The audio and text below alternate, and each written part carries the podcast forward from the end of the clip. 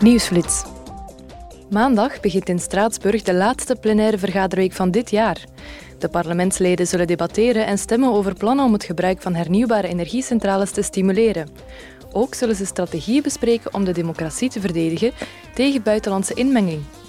Op woensdag zal de Sakharovprijs 2022 voor de vrijheid van denken uitgereikt worden aan het dappere volk van Oekraïne, vertegenwoordigd door zijn president, gekozen leiders en maatschappelijke organisaties. Morgen het de Dag van de Mensenrechten.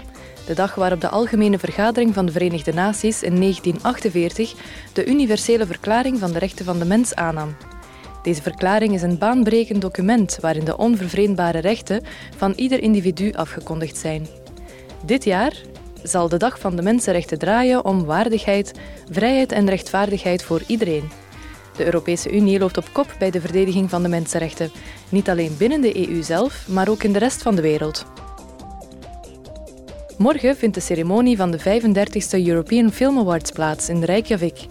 Bij deze gelegenheid zullen de vijf films worden bekendgemaakt die kans maken op de Lux Publieksprijs 2023. De Lux Publieksprijs heeft tot doel Europese kwaliteitsfilms te bevorderen waarin aandacht uitgaat naar de kernwaarden van de EU, namelijk menselijke waardigheid, gelijkheid, non-discriminatie, inclusie, tolerantie, rechtvaardigheid en solidariteit.